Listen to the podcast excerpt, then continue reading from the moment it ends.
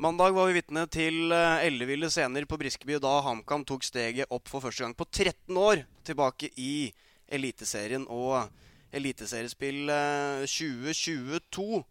Med meg eh, i dag har jeg med meg eh, Espen Olsen. En av de absolutte nøkkelpersonene som har gjort dette mulig.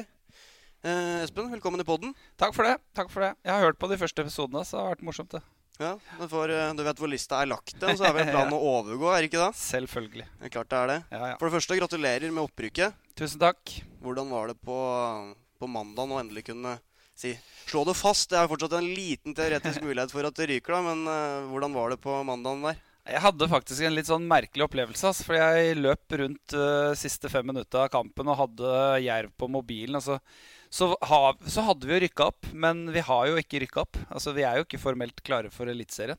Så jeg var veldig usikker. Skal vi feire? Skal vi ikke feire?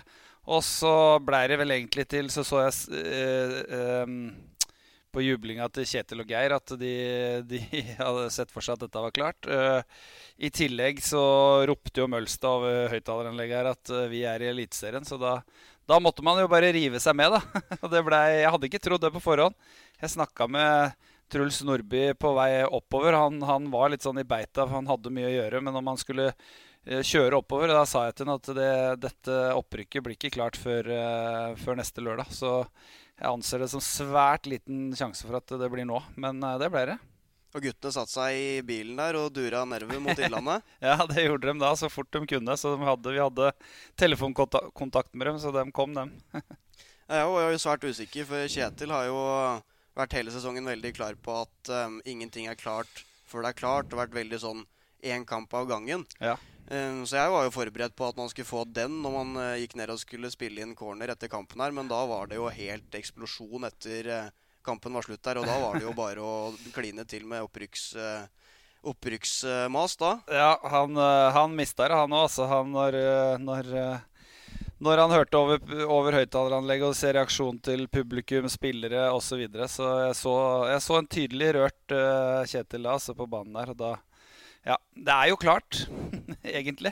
Det er jo ingenting å lure på. det nei, er ikke det. Nei. Men altså de scenene her du nevnte det, Rekdal uh, Rørt uh, så det ganske tydelig. Og det var uh, voksne menn som sto og gråt her. Bekkeren kom og var, så ut som hun var helt fra seg. Kai Kristiansen sto og var helt tydelig berørt. Altså, det er ikke noe tvil om at dette her betyr veldig mye for, for veldig mange. da. Uh, ja, nei, det gjør jo det. Og, og supportere også. Jeg, jeg merka det veldig når jeg var uh, når jeg var på Jessheim der, at det var noe skikkelig på gjerdet. Det, det, var faktisk en uh, utrolig stor opplevelse å gå inn på den puben hvor, hvor Briskebybanden og HamKam-supportere var samla før matchen. En enorm stemning inne på, inne på den puben der, så det var, det var kult. Og det trynet til Bekkeren kjenner jeg igjen fra 18 år tilbake. Han så akkurat lik ut da og var akkurat like rørt. så Uh, nei, det var, det var, stort. Så mm, jeg blitt, nå har jeg blitt litt eldre og litt gammel. Jeg mista nok uh, mer huet i Alta den gangen. Men uh, jeg var mer sånn opptatt av å liksom suge til meg de opplevelsene som det faktisk er. Og så, og så gå litt ut av meg sjøl og, og, se litt på omgivelsene og se liksom hva dette er. da. Og ja, det var egentlig samme jeg gjorde når jeg reiste opp til Jeg bestemte meg for å ta toget opp til Jessheim, for jeg visste at det kom til å være stappfullt av Hamar-folk. Bare for å få med hele opplevelsen. Og da får du en sånn der skikkelig aha-opplevelse dette her betyr utrolig mye for, for mange. Ikke, ikke, bare meg sjøl. Det betyr jo selvfølgelig sinnssykt mye for meg òg. Det er jo det er jo kjempestort. Um, jeg har vært heldig å rykke opp tror jeg rykka opp fire eller fem ganger etter fra Obos-ligaen til Eliteserien. Men eh, ja, Nei, det er stort, altså. Det er det. Mm. Fikk en ålreit velkomst inne på puben på Esheim der òg, når du svingte innom? Ja, ja, jeg gjorde jo det. Det er jo kult. Eh, det, det blir litt sånn eh, Det blir jeg litt sånn klein av, men det, var, det, er selvfølgelig hyggelig. Litt feiring ble det på mandagskvelden også, sjøl om sjefen her ga beskjed om at det måtte begrenses, og i hvert fall for spillere at man måtte fikk nøye seg med et par, tre drinker eller hva det var han sa for noe, så, så fikk man uh, gått ut og markert litt, i hvert fall. Ja da, vi var ute og hadde en hyggelig middag. og så Kjetil var ordentlig sjuk, så han, eh, han, dro hjem. Han var skikkelig forkjøla. Så eh, han dro hjem, og så tok vi med oss spillere bort på Dosil en tur og fikk, eh, fikk møtt supporterne. Det, det fortjente supporterne våre. Så det var kult. Og så blei vi andre en del av en del av støttespillerne våre i, i Hemat og, og styreklubben og ja, en del nøkkelpersoner rundt. Vi, vi, kjørte det litt lenger. Så var det å møtte deg her på um, tirsdagsmorgen. Da, da lå rett ut i horisontalen i, i, i sofaen her. Ja, ja det, jeg er blitt glad i den sofaen på kontoret her. Så ja. Det, jeg var sliten da. Jeg skal innrømme det. Det er lov, det. ja. Um, bryter jo på en måte litt med podkastens uh, prinsipper i dag. Heter jo Hemmat for at man i utgangspunktet skal være hjemme hos folk. Men ja. uh, vi sitter jo ikke hos deg på Romerike i dag, vi er istedenfor på Briskeby. Men det er vel kanskje på sett og vis ditt andre hjem har blitt, eller? Det er det definitivt. Og så hadde vi jo aldri kunnet fått spilt en podkast hjemme hos meg, for jeg er jo aldri hjemme. Så det hadde blitt helt umulig. Men uh, det, er, det er hjemmekoselig innpå her. Fått et stort og fint kontor med en god sofa. Så dette er hjemme. Mm. Um, litt om hvor mange timer og hvor mye arbeid som er uh, lagt ned uh, for din del her de siste Ja, kan vi egentlig ta de siste um, to åra, da. Ja, eh, jeg var jo Jeg var jo her på fulltid i starten, og eh, det blei jo litt sånn rotete start. For jeg skulle jo i utgangspunktet ble jeg ansatt som sportssjef, men jeg ble jo veldig fort eh, assistenttrener. Og det, det, å være assistenttrener i en, i en profesjonell Obos-ligaklubb, det tar tid. Så det var mye, mye møter osv. Og, så og da hadde jeg jo en leilighet her oppe, så da bodde jeg jo her veldig mye. Og da brukte jeg enormt med tid der. Uh, nå, nå, er situasjonen litt annerledes. Nå, nå, er jeg ikke så mye her. Uh, så mye på kontoret. Jeg er mye mer ute og treffer folk. Og, og ja, jobber med nettverk og agenter og ser veldig mye fotballkamper. Og det er jo det som er, det som er jobben min, og sånn sett så så jeg bruker mine timer, for å si det sånn. Og det er, det, er jo det som er litt sånn spesielt i den stillinga. Det, det foregår ikke så mye på dagtid. Altså Vi jobber ikke åtte til fire Eh, de som er sportssjefer rundt omkring. Det er mye mer på kveldstid og på, på ettermiddager og i helger hvor vi treffes, uh, går på kamper sammen. Uh, ja, det, så det er egentlig På dagtid skjer det veldig lite. Så sånn sett så syns jeg det passer veldig Det passer veldig godt inn sånn som jeg har det nå. Jeg, jeg jobber på Vang Romerike og er sportssjef for fotballdelen der. og får får jobbe med, med, litt talenter og, og følge veldig godt med på, på hvordan det hvordan, uh, hvordan det gror på, på Romerike, noe som selvfølgelig er nyttig i, i min jobb. Og så er, eh, har jeg en liten stilling der, og så, og så bruker jeg ettermiddagene stort sett på HamKam. Ja, og helgene, da. Hvis vi kan komme litt mer tilbake på den eh, konkrete jobben med spillelogistikk som er gjort mm. uh, litt senere her. Men akkurat den, uh, den, kombinasjonen som du er inne på der, da, med sportssjefstillinga på Vang på dagtid og sportssjef i HamKam sånn uh, egentlig 24-7-jobb, som det vel egentlig er, at man i hvert fall må være på. Ja.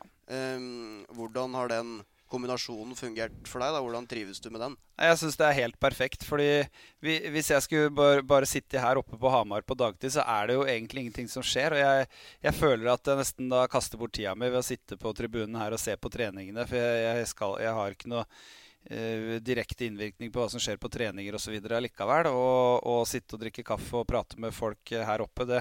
Jeg er jo her fast på torsdager, noen ganger onsdager, så jeg er jo her eh, når det trengs. Og det er jo også sånn at hvis det er caser som brenner, hvis vi skal signere en spiller osv., så, videre, så så dropper jeg Vang den dagen og reiser til Hamar. Eh, så kombinasjonen er for meg helt, helt perfekt. Så får jeg bruke, bruke, litt energi og tid på, på unge spillere på feltet og hjelpe, hjelpe, unge talenter i hverdagen deres. da. Mm. Um, hvis du spoler eh, litt tilbake i tid, da. Um, som du sier, det har vært litt sånn rolleendringer fra å være sportssjef og assistent til å bli hovedtrener en periode. Hvis vi begynner, med, begynner der, da, altså etter ni serierunder i 2020-sesongen så sto laget uten eh, en eneste seier på bånn av eh, tabellen når du var eh, hovedtrener. Den veien fra, fra, man sto da, da og fram til nå, den veien der, hvordan har du opplevd den? Eh, fra, fra, jeg, fra, jeg, fikk beskjed om ikke jeg var hovedtrener, til mm. nå. Mm. Eh, nei, det var jo tøft i starten, selvfølgelig. Det er jo sånn at man eh, Uh, uansett hvordan man snur og vender på det, det orker ikke å rippe opp i det, men vi, vi var jo ganske gode. Ja, det har jeg jo prata mye med Kjetil om i ettertid, for han begynte jo å se på kampene våre når han uh, var på vei inn her, og han, han, så jo at vi i stort sett de fleste kampene så var vi best, men vi slapp jo inn mye mål i, i slutten der.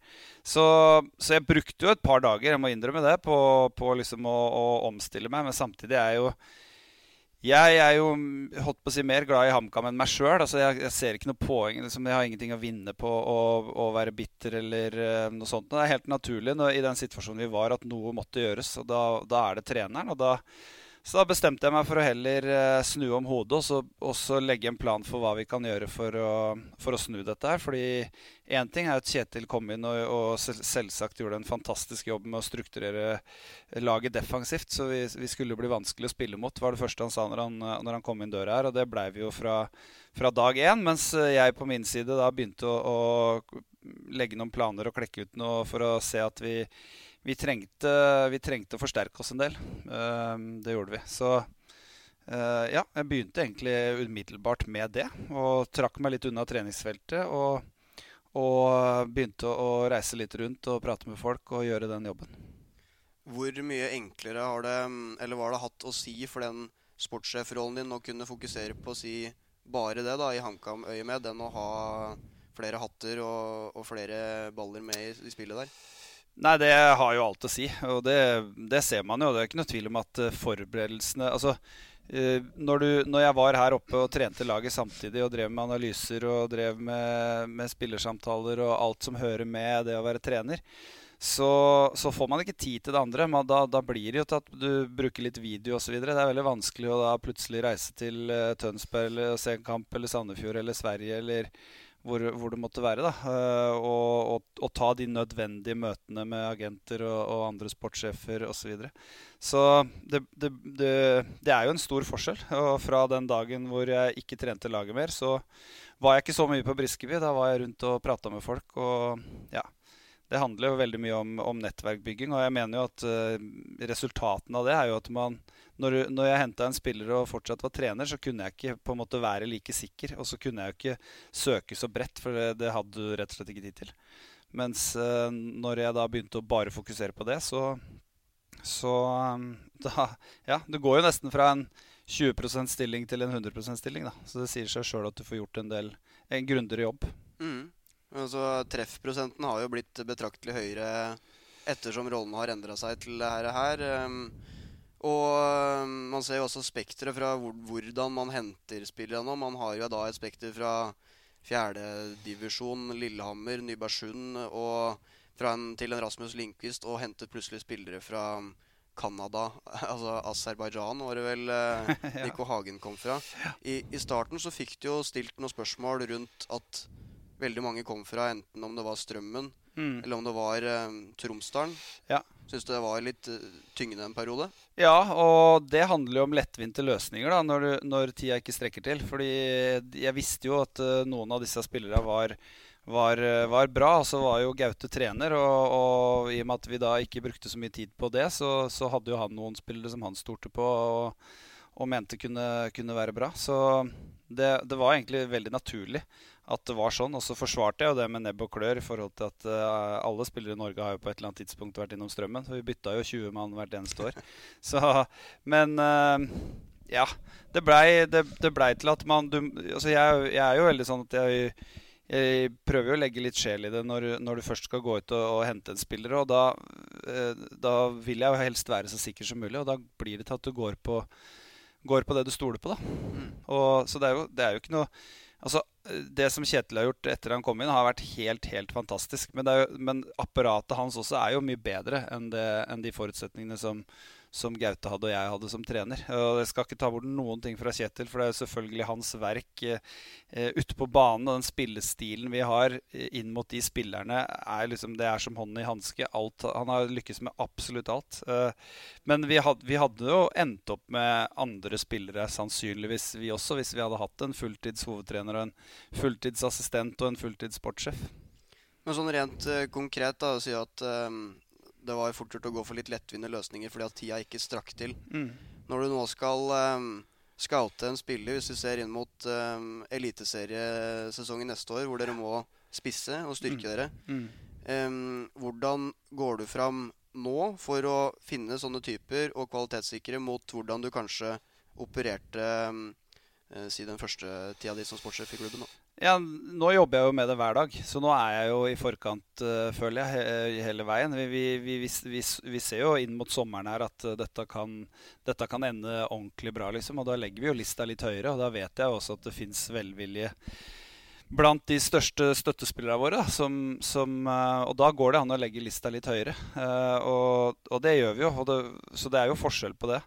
Eh, og nå jobber jeg som sagt med det kontinuerlig. Jeg jobber jo med det hver eneste dag og hver eneste helg. Jeg reiser rundt og ser masse kamper. Og uh, for meg så handler det jo mye, mye om, uh, om nettverk, om å, om å være der det skjer, og prate med de det skjer. Og det er jo det er jo sånn at Hvis jeg drar på en fotballkamp på Åråsen, eksempel, så blir jeg jo plassert i en losje sammen med alles andre sportssjefer og alle agentene. Så, og Den praten som går der, er jo viktig å få med seg. Og det er jo viktig, viktig å ta de, lage de avtalene, ta de lunsjene, ta de middagene sammen med, med agenter osv. Og, så og få et godt forhold til de folka, som er viktig. Og det føler jeg at jeg har nå, med, med et bra antall mennesker som jeg stoler på. Og da, da er den jobben ganske mye lettere. Men handler det litt også om eh, altså, Selvfølgelig man har eh, bedre tid til å, å jobbe med det, men føler du sjøl også at du har utvikla deg og blitt en, en bedre sportssjef, rett og slett?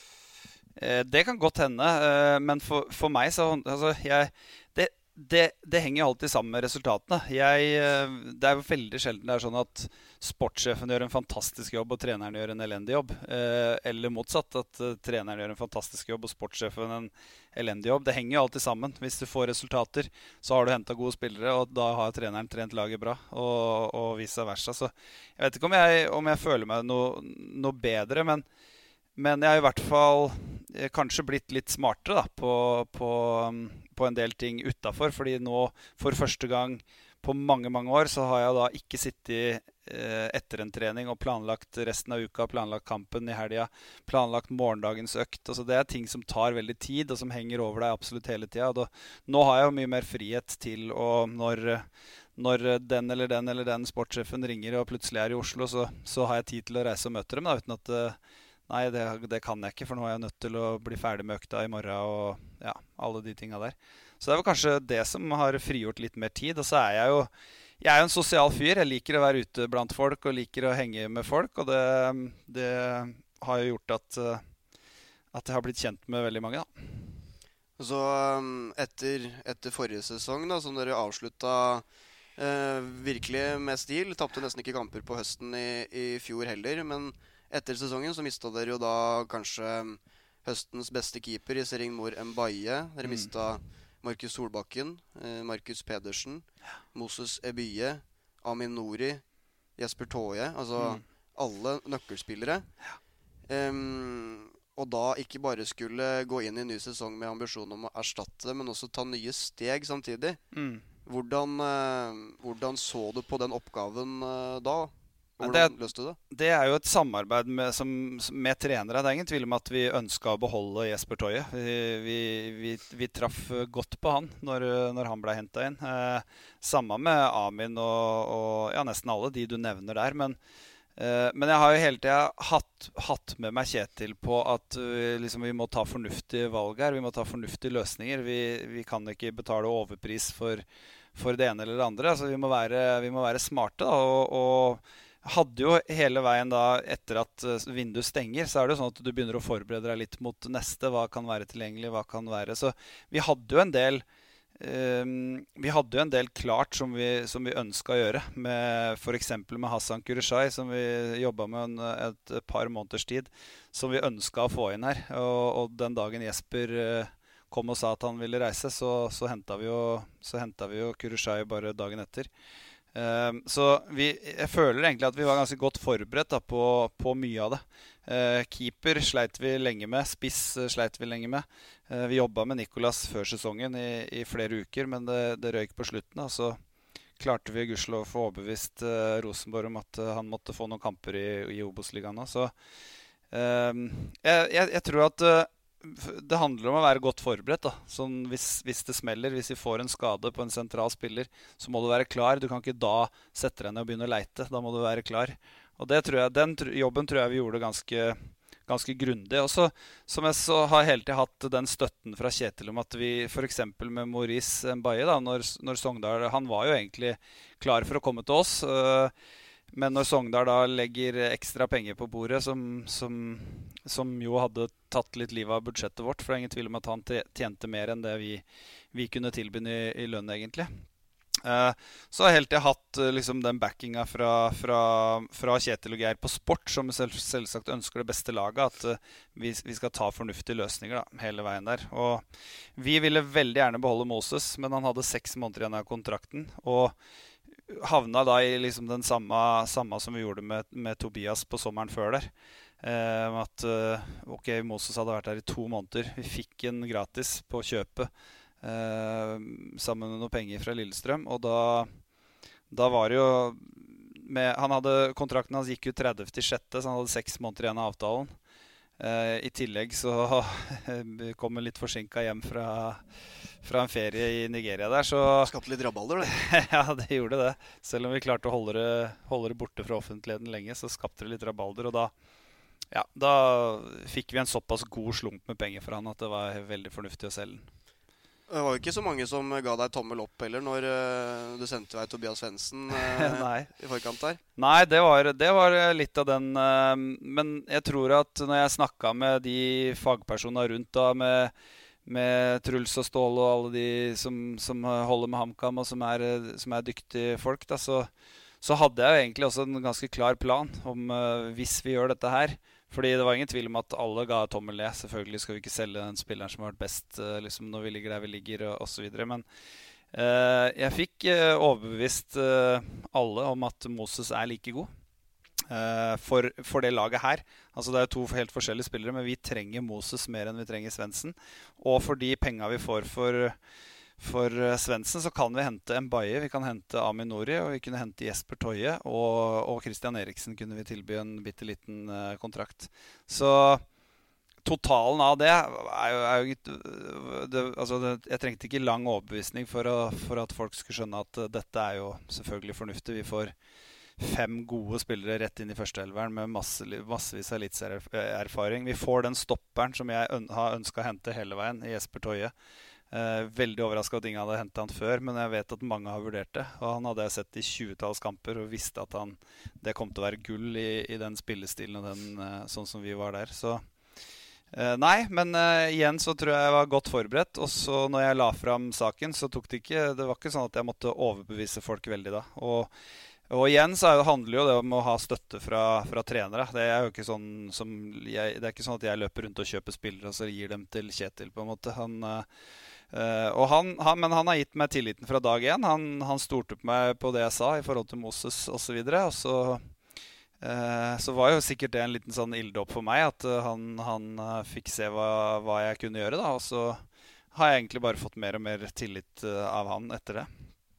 Men sånn, eh, sånn, som i sommer, da, når det ble klart at uh, Faye Lund går tilbake igjen til Rosenborg Sånn helt ærlig, hvor sikre kan man føle seg på en landslagskeeper fra Guatemala som man henter fra Aserbajdsjan? Ja, men alt tyda på at det der var, var, riktig, og det var han vi prøvde å hente. Eh, nå gjorde eh, Faye Lund en fantastisk jobb for oss, men det var jo eh, Nicolas Hagen vi ville hente. Det er der vi, vi la inn alt vi kunne av ressurser, men det røyk på på slutten der. Og, og vi, vi, var, igjen så var vi godt forberedt. Vi hadde prata med agenten, og vi ville ha han.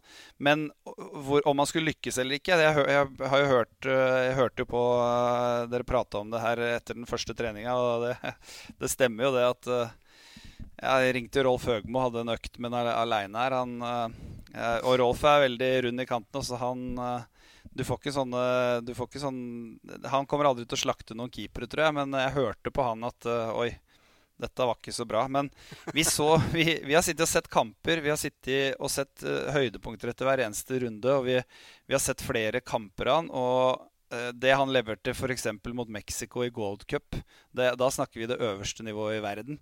Uh, og det han leverte i de kampene der med noen fantastiske redninger, alderen hans, kontraktslengden, alt tyda på at dette kan ikke være feil. Det er ikke mange som stiller noe særlig spørsmål til eh, Nico Hagen nå lenger, i hvert fall. Nei, men etter den første uka der, så var det mange, det kan jeg si. Da var det mange ja.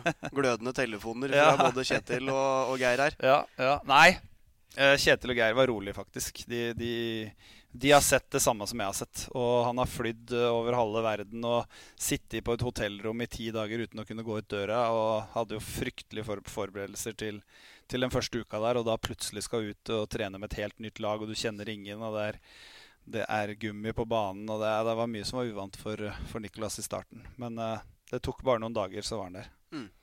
Og så Sam Rogers også, som dere dro opp av hatten her. Virkelig uh, slått til, det får en si. Kanskje vært den beste i hvert fall forsvarsspilleren i Obos-ligaen i, i høst. da. Det Mm. var en sånn spiller som for folk flest i Norge i hvert fall eh, er vanskelig å se komme. da. Ja.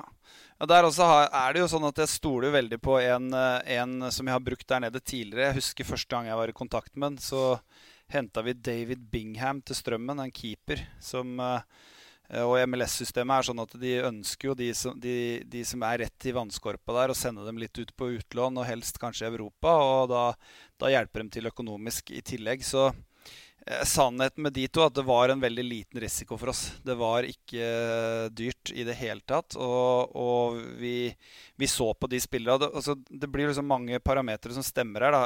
Eh, Oskar, eh, som, som er agenten her, han han kjenner jeg godt, og han ringer aldri hvis det er noe, det er noe tull. Eh, eh, han skyldte meg en liten tjeneste etter at jeg hjalp ham med, med noe annet tidligere der. Og han, han ringer ikke hvis det altså han, han er ikke en sånn type agent som bare spinner ut masse løsninger. Og han var veldig overbevisende i de samtalene som jeg prata med han. Og jeg sendte, sender jo dette til Geir, som er veldig flink på analyse. Geir går gjennom eh, masse kamper, går gjennom mye sammen. eh, Og så til slutt så, ta, så tar vi det med Kjetil. Altså dette vil vi gjøre. Så vi bestemte oss jo for å hente spissen. Vi trengte en spiss, Theo. Og, og det var som sagt veldig liten risiko økonomisk ved å hente den. Så gjorde vi det, og så, og så tok vi med oss Sam etter at vi blei veldig overbevist av eh, av noe video osv. Så, videre. så du ser jo litt på referanser, og så sjekker du litt referanser. Prater med folk som har sett den spille fotball live. Og med Sam Rogers så var det liksom klinkende klart at eh, han er altfor god for, eh, for, eh, for å spille i Obos-ligaen. Så, så mm, det, folk var mer der om at nei, nei, dette er jo, det er jo eliteseriespillere som som kommer til å plukke opp han. Men vi var først ute. Og så akkurat med, med Sam så har det jo vært eh, en greie lenge nå om eh, man klarer å få han på en permanent overgang. Det har vært jobba med lenge, og nå har det jo vært sagt der at eh, det kommer til å være omtrent 100% spikra bare klubben klarer å komme seg til Eliteserien. Hvordan er eh, ståa nå? Nei, han har ikke signert, er jo ståa. Så da, da Men uh, vi, vi er uh, hva, skal jeg hva kan jeg si om det? Vi er på samme side, så vi håper at det går i orden så Ja. fort som mulig. Um, før det, det blir noe mer spillelogistikk her. Du har jo nevnt um, Geir uh, Frigård. Selvfølgelig vært uh, ekstremt viktig for, ehm, for HamKam i, i ja, eh, siden han kom til klubben. Ja. Eh, viktig rolle ute på treningsfeltet i det daglige. Han har jo mesteparten av treningsøktene er det han som kjører. Um, men han eh, har vært litt i kontakt med han før uh, innspilling. Han lurer på hvorfor du ble sittende stille i hjørnet når han, eh, Ståle ville til cupfinalen, men var avhengig av, av dere. Ja, det er fordi jeg er smartere enn Geir, rett og slett. Uh, Å reagere på den måten som han gjorde, det da, i det sinnet som Ståle var i der, da, da ber du om bråk. Så jeg klarte å beherske meg, så, mens Geir mista selvfølgelig huet. Og det, det gjør jo Geir innimellom. Han er en fantastisk fyr, men det skal jo ekstremt lite til å, før, han, uh, før han fyrer. Uh, og det, i det opplever vi i, i det daglige. Både på telefon og, og på treningsfeltet og i garderoben og, og overalt. Så eh, nei, der var jeg bare smartere enn rett og slett. Du ble litt lang i maska der når Ståle dro i gang og, og Geir svarte i retur der. Ja, men jeg skjønte hva som kom i det Geir svarte. For det, alle vi som kjenner Ståle, vet at uh, i den si- sinnstilstanden han var i garderoben der, så sint som han var da, da gjelder det å bare, ba, det å bare si ja og være enig i det han sier. Rett Ferdig og med det. slett. Ja. Og så var det en, en greie, skjønte jeg, når dere hadde en eh, sosial samling hjemme hos uh, Vegard Bjerke. um, så skal du angivelig da ha um, lurt Geir Frigård uh, når vi er inne på Ståle Solbakken her. Ja, han, uh, ja, det stemmer det. Det var veldig gøy. Han, vi hadde vunnet en kamp, og så skulle vi ha samling hjemme hos Skulle vi grille litt hjemme hos Vegard. Og Geir måtte hjemom og hente noe greier på Jessheim, så han kom litt seinere. Så da hadde vi egentlig trening dagen etter, men så ringte vi til Ståle og spurte om, om liksom, du, nå har vi, det er lenge til neste, og om vi kan få fri i morgen. da eh, fra den restitusjonen, for det var 14 dager til neste kamp. Og eh, om vi kunne få fri fra trening. Og det, det, fikk vi, og det var helt supert. Og så eh, Jeg liker jo å finne på litt faenskap innimellom. Så, han, så, vi ringte tilbake til Ståle og så sa du, vi kommer til å si til Vi kommer til å be Geir ringe deg. Og kommer til å be Geir om å spørre om vi får fri, og da må du liksom ta han skikkelig og slakte han. Og... Så når Geir kom opp, da, så var vi i godt humør, og han så jo at her hadde vi drikket litt vel mye, kanskje noen, i forhold til at vi skulle trene dagen etter. Så fikk vi jo fikk vi Geir til å spørre, for Geir var jo liksom den som var nærmest Ståle. De kjente hverandre litt fra før. Det var helt naturlig at det var Geir som ringte. Så fikk vi Geir til å ringe, og Ståle bare ga klar beskjed om at det var helt uaktuelt. Og det var, de skal møte på trening i morgen tidlig, og vi skal være freshe og raske og klare. Så da fikk jo Geir fullstendig panikk og løp rundt og tok fra oss ølflasker og, og var helt og avbrøt festen og skrudde av musikken. Og da alle måtte hjem, og det var ikke måte på. Og idet han dreiv og, og rydda og slakta alle og var, og var sint som bare det, så kom jo Ståle og Tom inn døra. og holdt på å le seg i hjel da han Kasta seg med på festen ja. istedenfor. så da ble han med på festen isteden. Ja. Han var sint et lite kvarter, og så fikk vi roa han, og så var det, var det, full fest. Ja, herlig.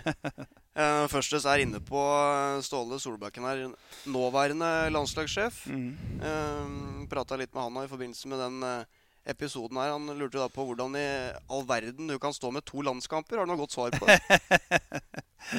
ja, jeg vet at han har et godt svar på det, i hvert fall.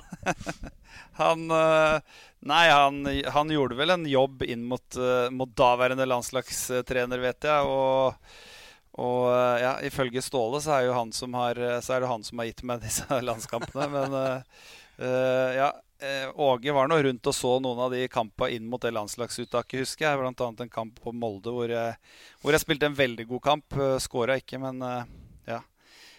jeg skjønner hvor han vil. så han driver og tar på seg den, ja? Ja, den tar han på seg. Lett. um, og så jeg eh, vet for så vidt ikke helt hva det eh, veddemålet gikk ut på, men han mener dere Eller han lurer på hvem vant veddemålet med der hvor 1000 kroner var i potten der eh, Svein Cato Bakkemo fortsatt var HamKam-trener? Hva er det han sikter til da? Jeg lurer på om det var noe med Var det noe med antall skåringer?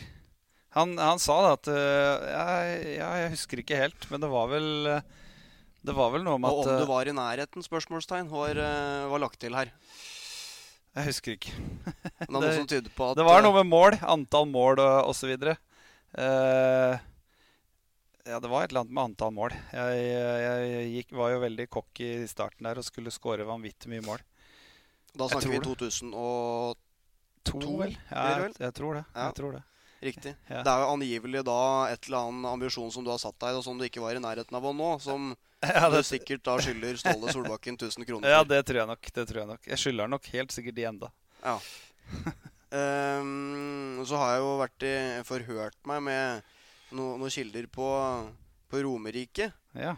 Um, en, som, en som kom med et eh, innspill her uh, om hvorfor du på, på, Strømmen stort sett alltid kom med solbriller på lørdagstreningen når du var sjef der? ja, nei, eh, som sagt så var jeg også da var jeg trener og sportssjef. Og det, da måtte jeg være sportssjef innimellom og, og, være litt rundt og ha det litt gøy. Og så blei det jo litt rann, Det eh, var en liten periode der hvor det kanskje et par fredager på, på rad. Vi eh, innførte en sånn greie på Strømmen stadion hvor det gikk litt over stokk og stein med jeg og materialforvalteren. En uh, Bobo, en fantastisk fyr som har vært for, for, samme historie som Bekkeren, egentlig. Vært materialforvalter i over 30 år. Og, så på, når fredagene kom og treninga var ferdig klokka fem, så hadde vi kjøpt inn litt øl nede i materialforvalterbua. Så blei vi sittende der.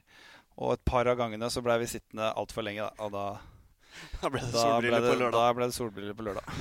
dette er jo da plystreren dette da, som har kommet oh, ja, med det hit her. ja, kult. en annen uh, romerikering som, uh, som hadde lyst til å høre historien om da han uh, Kai Rishold kjøpte seg fjernstyrt helikopter. ja, den, har jeg, den har, jeg, har jeg, fortalt noen ganger. Uh, skal jeg ta den nå? Byr gjerne på den. ja, det, det handla vel om at han uh, Han var jo ikke sånn kjempeøkonomisk fyr, uh, Kai. da Og så hadde han bestilt seg et mastercard, tror jeg, sånn som jeg husker det. Og så hadde, med i den brosjyren så var det en sånt kjempetilbud på et eh, kjempestort helikopter. Og da, jo, da bestilte han selvfølgelig det til 2000 eh, kroner, eh, eller hva det var, som var satt ned fra 25 000. Det var et svær greie. Sånn han hadde etter, Det var en kveld hvor det var han plutselig hadde fått denne pakka i, i posten og var på posten og henta en svær pakke. Og så tok han opp og ville prøve den, men det hadde jo blitt mørkt ute. Og så, når han etter lang lang tid fikk montert sammen dette, så hadde han jo da satt det på bakken for å prøve det. Og så eh, begynte jo denne propellene å gå, og så, så justerte han den eh, knappen opp sånn at eh, helikopteret skulle lette. Og da gikk det var et helvetes eh, rotor på den, og så bare sa det vosj, og så forsvant helikopteret rett opp i lufta. Og så sto han og titta opp i lufta og bare Fader, hvor ble det av det?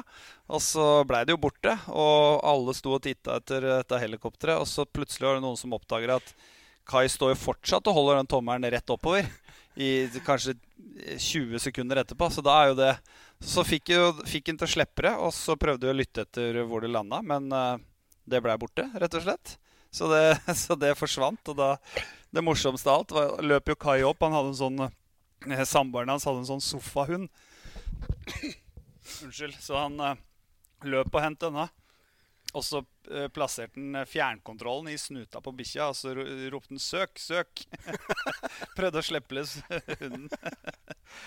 altså, det var helt uh, Men det helikopteret ble borte, gitt. det er ingen som veit hvor det helikopteret er den dag nei, i dag? Jeg har ikke, ikke hørt noe om noen har sett det helikopteret.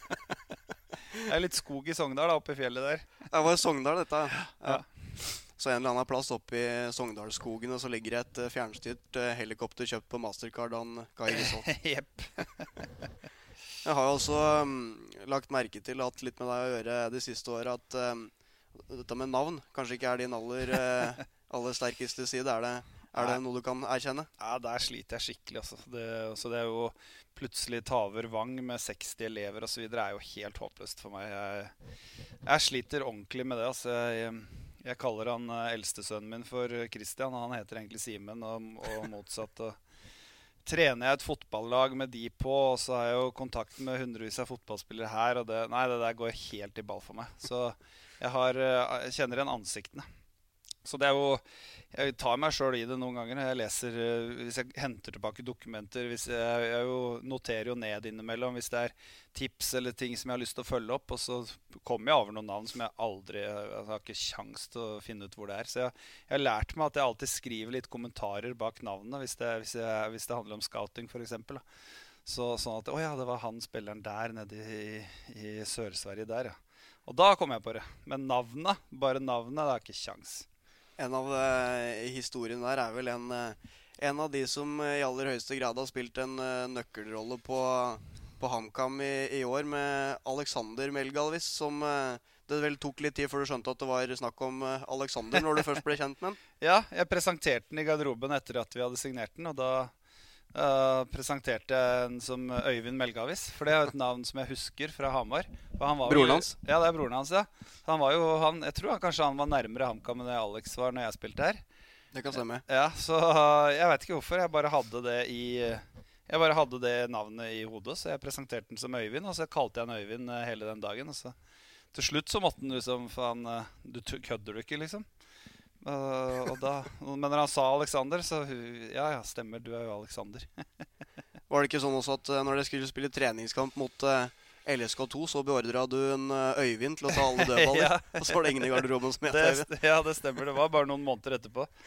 Så da hadde skrev, For jeg skrev alltid opp på tavla hvem som skulle være hvor, og da skrev jeg Øyvind på dødballer, og da Det var ikke noe Øyvind der. hvor lang tid hvor lang tid etter at du hadde um, plukka opp en uh, Sean Alassane Mendy på Gardermoen, var det du skjønte at det gikk an å prate norsk til den? det var ikke før vi kom opp. vi snakka engel. Jeg snakka stort sett han. Og var en sjenert fyr som bare satt og lytta. Så plutselig nærma Stange, så svarte han på norsk. Svarte han at jeg kan norsk. da hadde jeg prata engelsk hele veien. da var det greit derfra ut? da var det greit derfra ut. um, men um, i uh, dag, dette spilles inn på en uh, torsdag, så ble det jo kjent at uh, den første HamKam-forsterkningen er jo allerede klar i Kobe Hernandez Foster. Ja. 19-åringen fra Amerika. Mm. Det blir den første nyforvervelsen inn mot neste sesong. Litt om han først, da. Ja, en spiller vi fulgte lenge, som vi, som vi ville hente i, i, sommer. Og så gikk ikke det. Og ja, han er en kjempespennende spiller. Sleit litt som de andre helt i starten her, men uh, etter en uh, ukes tid så, så, fikk vi virkelig se hva som bor i, bor i han. Og han har jo enkelte trenere, treningsøkter utpå her i 11 mot 11-spill. Uh, spilt litt sentral midtbane og, og, litt venstre back, og i enkelte av de treningene så har han vært veldig dominerende. Så han er et kjempespennende spiller. Altså. Så vi, vi gleder oss til å se hva vi kan få ut av han. Er den god nok for å være fast uh, førsteelverinventar allerede fra neste sesong i Eliteserien? Ja, vi håper jo det. Uh, vi får jo se. Vi gleder oss til å se han i kamp, først og fremst. Han skal jo få noen treningskamper etter hvert. Men, uh, men ja, han ser virkelig spennende ut. Så det, det, blir, det blir, gøy. Absolutt aktuell inn mot en startelver. Det tipper jeg. Det er jo opp til han og, og konkurrenten hans, men det, det vil overraske om han ikke er, ja. Men nå får dere jo et par ekstra uker nå som opprykket ble klart forholdsvis tidlig til å begynne å, å planlegge. Det gir vel kanskje også et fortrinn på overgangsmarkedet inn mot uh, styrkingen av stallen mot neste sesong? Ja, det gjør det. Uh, helt klart. Så samtidig er det, handler det om å ikke, ikke skynde seg for, uh, for mye heller. fordi det er jo sånn at det blir tilgjengelige spillere mye på vinteren. Vi er jo sånn at vi, vi er jo Sesongen vår er jo litt snudd i forhold til alle andre. Altså De største klubba gjør mye, gjør mye på, på, sommeren, mens, mens, vi er jo avhengig av å finne det litt på vinteren der. Og det, da kan det ofte være sånn at det kan, det kan være noen tilgjengelige spillere i, i, i utlandet som, som, på en måte ikke har fått spille så mye i første halvdel av sesongen, som kan, som kan bli tilgjengelige osv. Men vi har helt klart noen, noen, navn på blokka som vi, som vi, er ganske sikre på at vi ønsker å, å knytte oss til. Men, men, vi vet jo ikke om det går enda. Det er jo noen som er under kontrakt og litt sånn forskjellig. Så, så vi, gjør som, vi, gjør som, vi har gjort i det siste, og legger lista veldig høyt. Og så prøver vi, prøver vi der først, og så har vi en plan B og en plan C. Mm. Um, du har jo ikke vært sportssjef på eliteserienivå tidligere. En, føler at det er en liten sånn sin prøvelse for deg òg, eller? For lista må selvfølgelig legges på en annen plass enn når man spiller i Obos-ligaen? Ja Nei, jeg føler egentlig ikke det. Vi, jeg syns det laget vi har i dag, er Det ville vært spennende å sette det inn mot Jeg er helt sikker på at vi allerede er, hadde gjort det veldig bra mot, mot noen av de lagene lavere på, på på tabellen, og, og, hvordan vi hadde vært mot de i midtsjiktet der, hadde, synes jeg hadde vært veldig spennende å se. Så, så, må vi jo selvfølgelig fornye oss. Men vi har jo vi, den, den, strategien som Kjetil uh, står veldig for, at han ønsker jo spillere som, er, som, kan trene. Han ønsker spillere som kan trene mye, og det legger jo litt føringer på hvem, på hvem vi kan hente, og litt alder og, og sånne type ting. Så Eh, jeg føler at utgangspunktet vårt er veldig bra, og så trenger vi å spisse det med, med tre-fire nye spillere. Tre-fire nye, er det liksom si, mm, Det er fortsatt knytta en del usikkerhet til spillere som er på utgående kontrakt og sånn. Mm. Um, er det tre-fire spillere i tillegg til de antallene dere har nå, eller er det det dere ser for dere? Nei, vi, vi får da se hva, hva som skjer med, med, noen av de som har utgående kontrakter. Selvfølgelig må jo de erstattes, og så er det jo noen som naturlig nok uh, helt sikkert uh, uh, kommer til å erstattes. Og det, vi, det er helt uavhengig om du spiller Eliteserien eller Obos-ligaen. Så, så, må du hele tida prøve å liksom fornye litt og, og, og, holde folk på tå og hev osv. Men vi ja, vi ønsker jo å forsterke førsteelveren også, helt klart. Så det, det er liksom tre-fire litt sånn betydelige spillere, for å si det sånn. Og så kan det jo være at det kan bli flere spillere inn nå, hvis, hvis vi finner noen spennende prosjekter vi ønsker å jobbe med, eller, eller noe sånt. Så men vi føler at vi, vi, føler at vi trenger en tre-fire nye spillere som er inne og konkurrerer om en, om en plass i startoppstillinga. Det må vi ha. Så altså, Allerede før sesongen så ble det jo stilt uh, spørsmål til uh, Eh, kanskje aller største spørsmålstegna til troppen ble spilt, stilt til angrepsposisjonen. Ingen Ja. hadde jo regna med at uh, Jonas Enkerud skulle ha den eventyrsesongen som han har eh, levert. Man vet at Theo Beer i utgangspunktet er på, på lån og sånn sett ferdig etter sesongen. Det er naturlig å tenke at en, eh, en skikkelig toppspiss eh, står høyt oppe på ønskelista deres.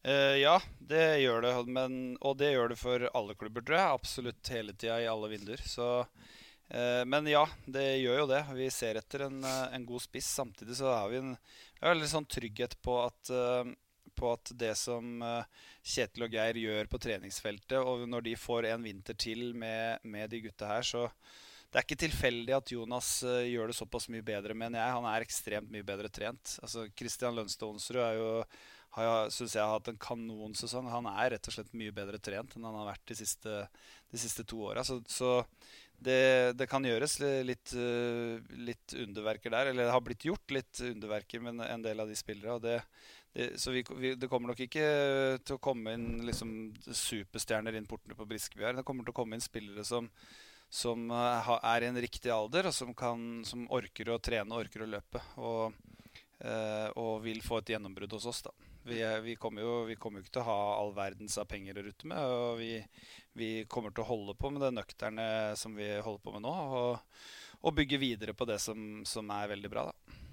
Men der hvor man i flere sesonger nå egentlig har måttet belage seg på i hvert fall i veldig stor grad å hente spillere som rett og slett er gratis, kontraktsløse, med noen unntak.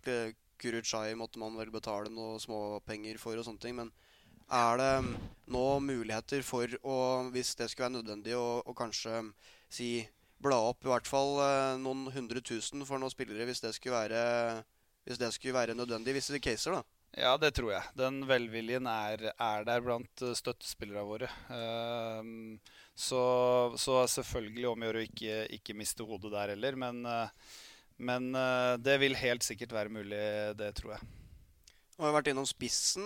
Hvilke andre posisjoner jeg tenker det er naturlig å, å styrke? Sånn som i, i dagens stall altså virker det veldig sårbart hvis f.eks. en en Christian Eriksen skulle blitt langtidsskada, så er det ikke all verdens med cover der. Og kanskje, det samme på, på wingbackene også? Ja, vi, vi, vi, er jo godt forspent på stoppeplass og strålende fornøyd med Nicolas. Og Lars Gjendal kommer utgangspunktet hjem og gir han en god konkurranse. Så vi føler at de posisjonene der er vi, der er vi allerede Holder vi allerede høyt eliteserienivå, så er det nok riktig som du sier at bredden må i hvert fall forsterkes enkelte steder. Men jeg vet at trenere også er veldig opptatt av de spillere som er her i dag. At de har vunnet den, de vinner denne divisjonen her soleklart og, og, fortjener virkelig å få en mulighet. Og veldig mange av dem er liksom i, i, den, i den, rette utviklinga i rette alderen. Så det blir utrolig gøy å se mange av de spillere som vi har i dag i Eliteserien. Hvor bra kan en Enkerud gjøre det, Morten Bjørlo, Silnes osv. Så, videre. så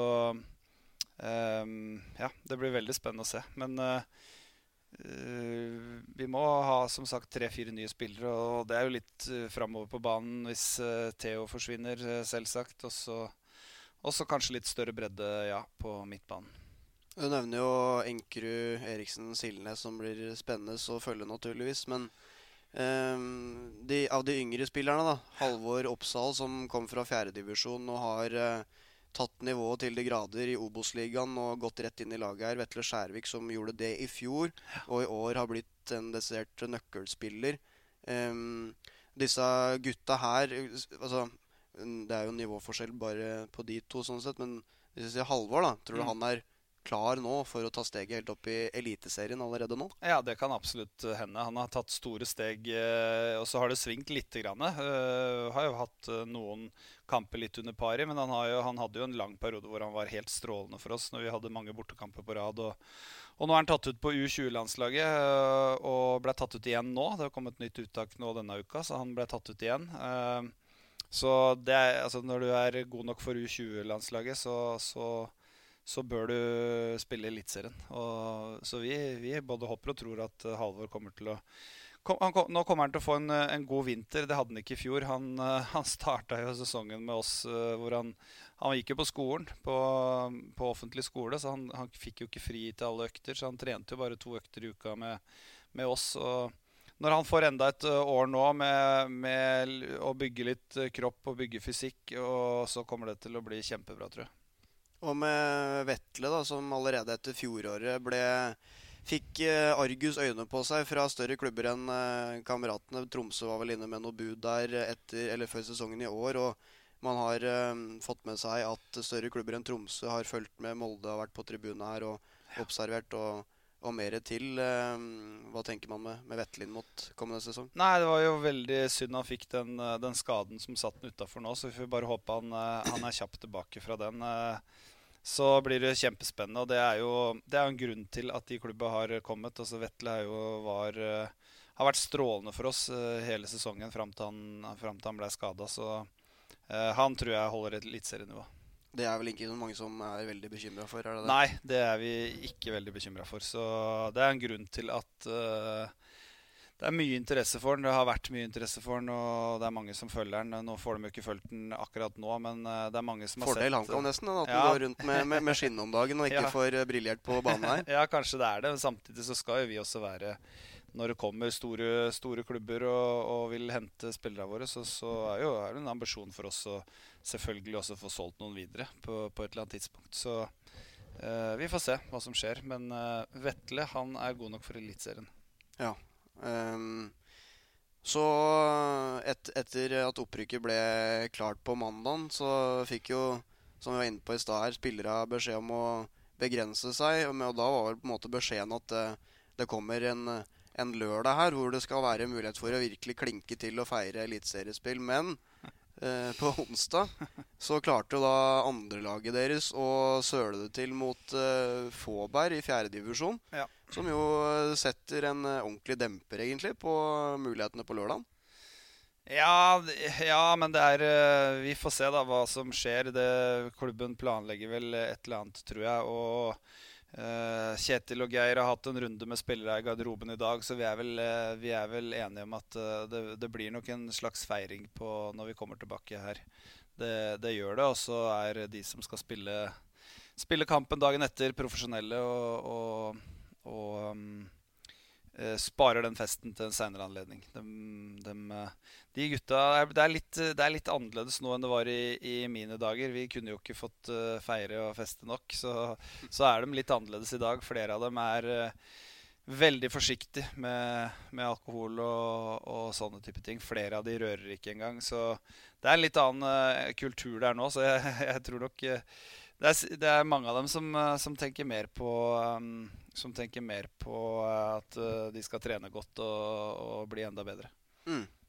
Og så er det jo en kamp mot uh, eh, FFK etter hvert der også, hvor uh, de fortsatt har en del i potten. Både andre- og tredjeplassen betyr jo mye for, uh, for Fredrikstad. Og det er varsla at det potensielt kan komme opptil flere tusen, kanskje, fra dem til nest siste serierunde. Mm. Um, det, der ligger jo an til at det kanskje kan bli en, en eh, skikkelig ramme da, rundt uh, den kampen. Det hadde blitt veldig kult. Og så syns jeg det hadde vært uh, utrolig kult for, for spillerne våre om, om hjemmefansen, om Hamar-folk kommer seg på kamp den dagen òg, for, for, å, for å hylle laget. Da det er jo, Opprykket er jo sikra nå. Det er enda mer sikra da, antakelig, til den kampen etter å ha gått en runde til. Så det, hadde vært, det syns jeg hadde vært en stor en veldig kul gest til spillere, egentlig. At de hadde fått, uh, fått uh, nesten et fullsatt uh, Briskeby her på den siste hjemmekampen i år, i det som har vist seg å være en, en helt fantastisk prestasjon av, av den spillergruppa. Så jeg håper og tror at det blir en veldig fin ramme rundt den kampen med, med mange tusen på tribunen. Yes. Så er det da um, tre kamper igjen å spille, men kameratene er allerede tilbake i det gjeve selskap. Jeg lurer på om vi kanskje skal runde av da, Espen. Så får jeg takke for at jeg fikk lov til å komme inn, på, inn i det audiens, inn i det helligste her. ja. Nei, jeg burde, jeg burde rydda litt før du kom, men sorry. Sånn er det. Det går nok fint. Kanskje fått opp noe på vegga her, eller? Ja, jeg skal, ja. men jeg har bare sånne dårlige bilder. Jeg har uh, den årets rotekopp Espen Olsen. Jeg kan ikke drive og henge opp sånne ting. Det er vel ikke helt uforkjent, kanskje? Men... Nei, det er nok ikke det. men i hvert fall, takk for uh, praten, Espen. Lykke til med jobben inn mot eliteseriesatsinga i 2022. Og lykke til med de siste kampene her også. Takk for det.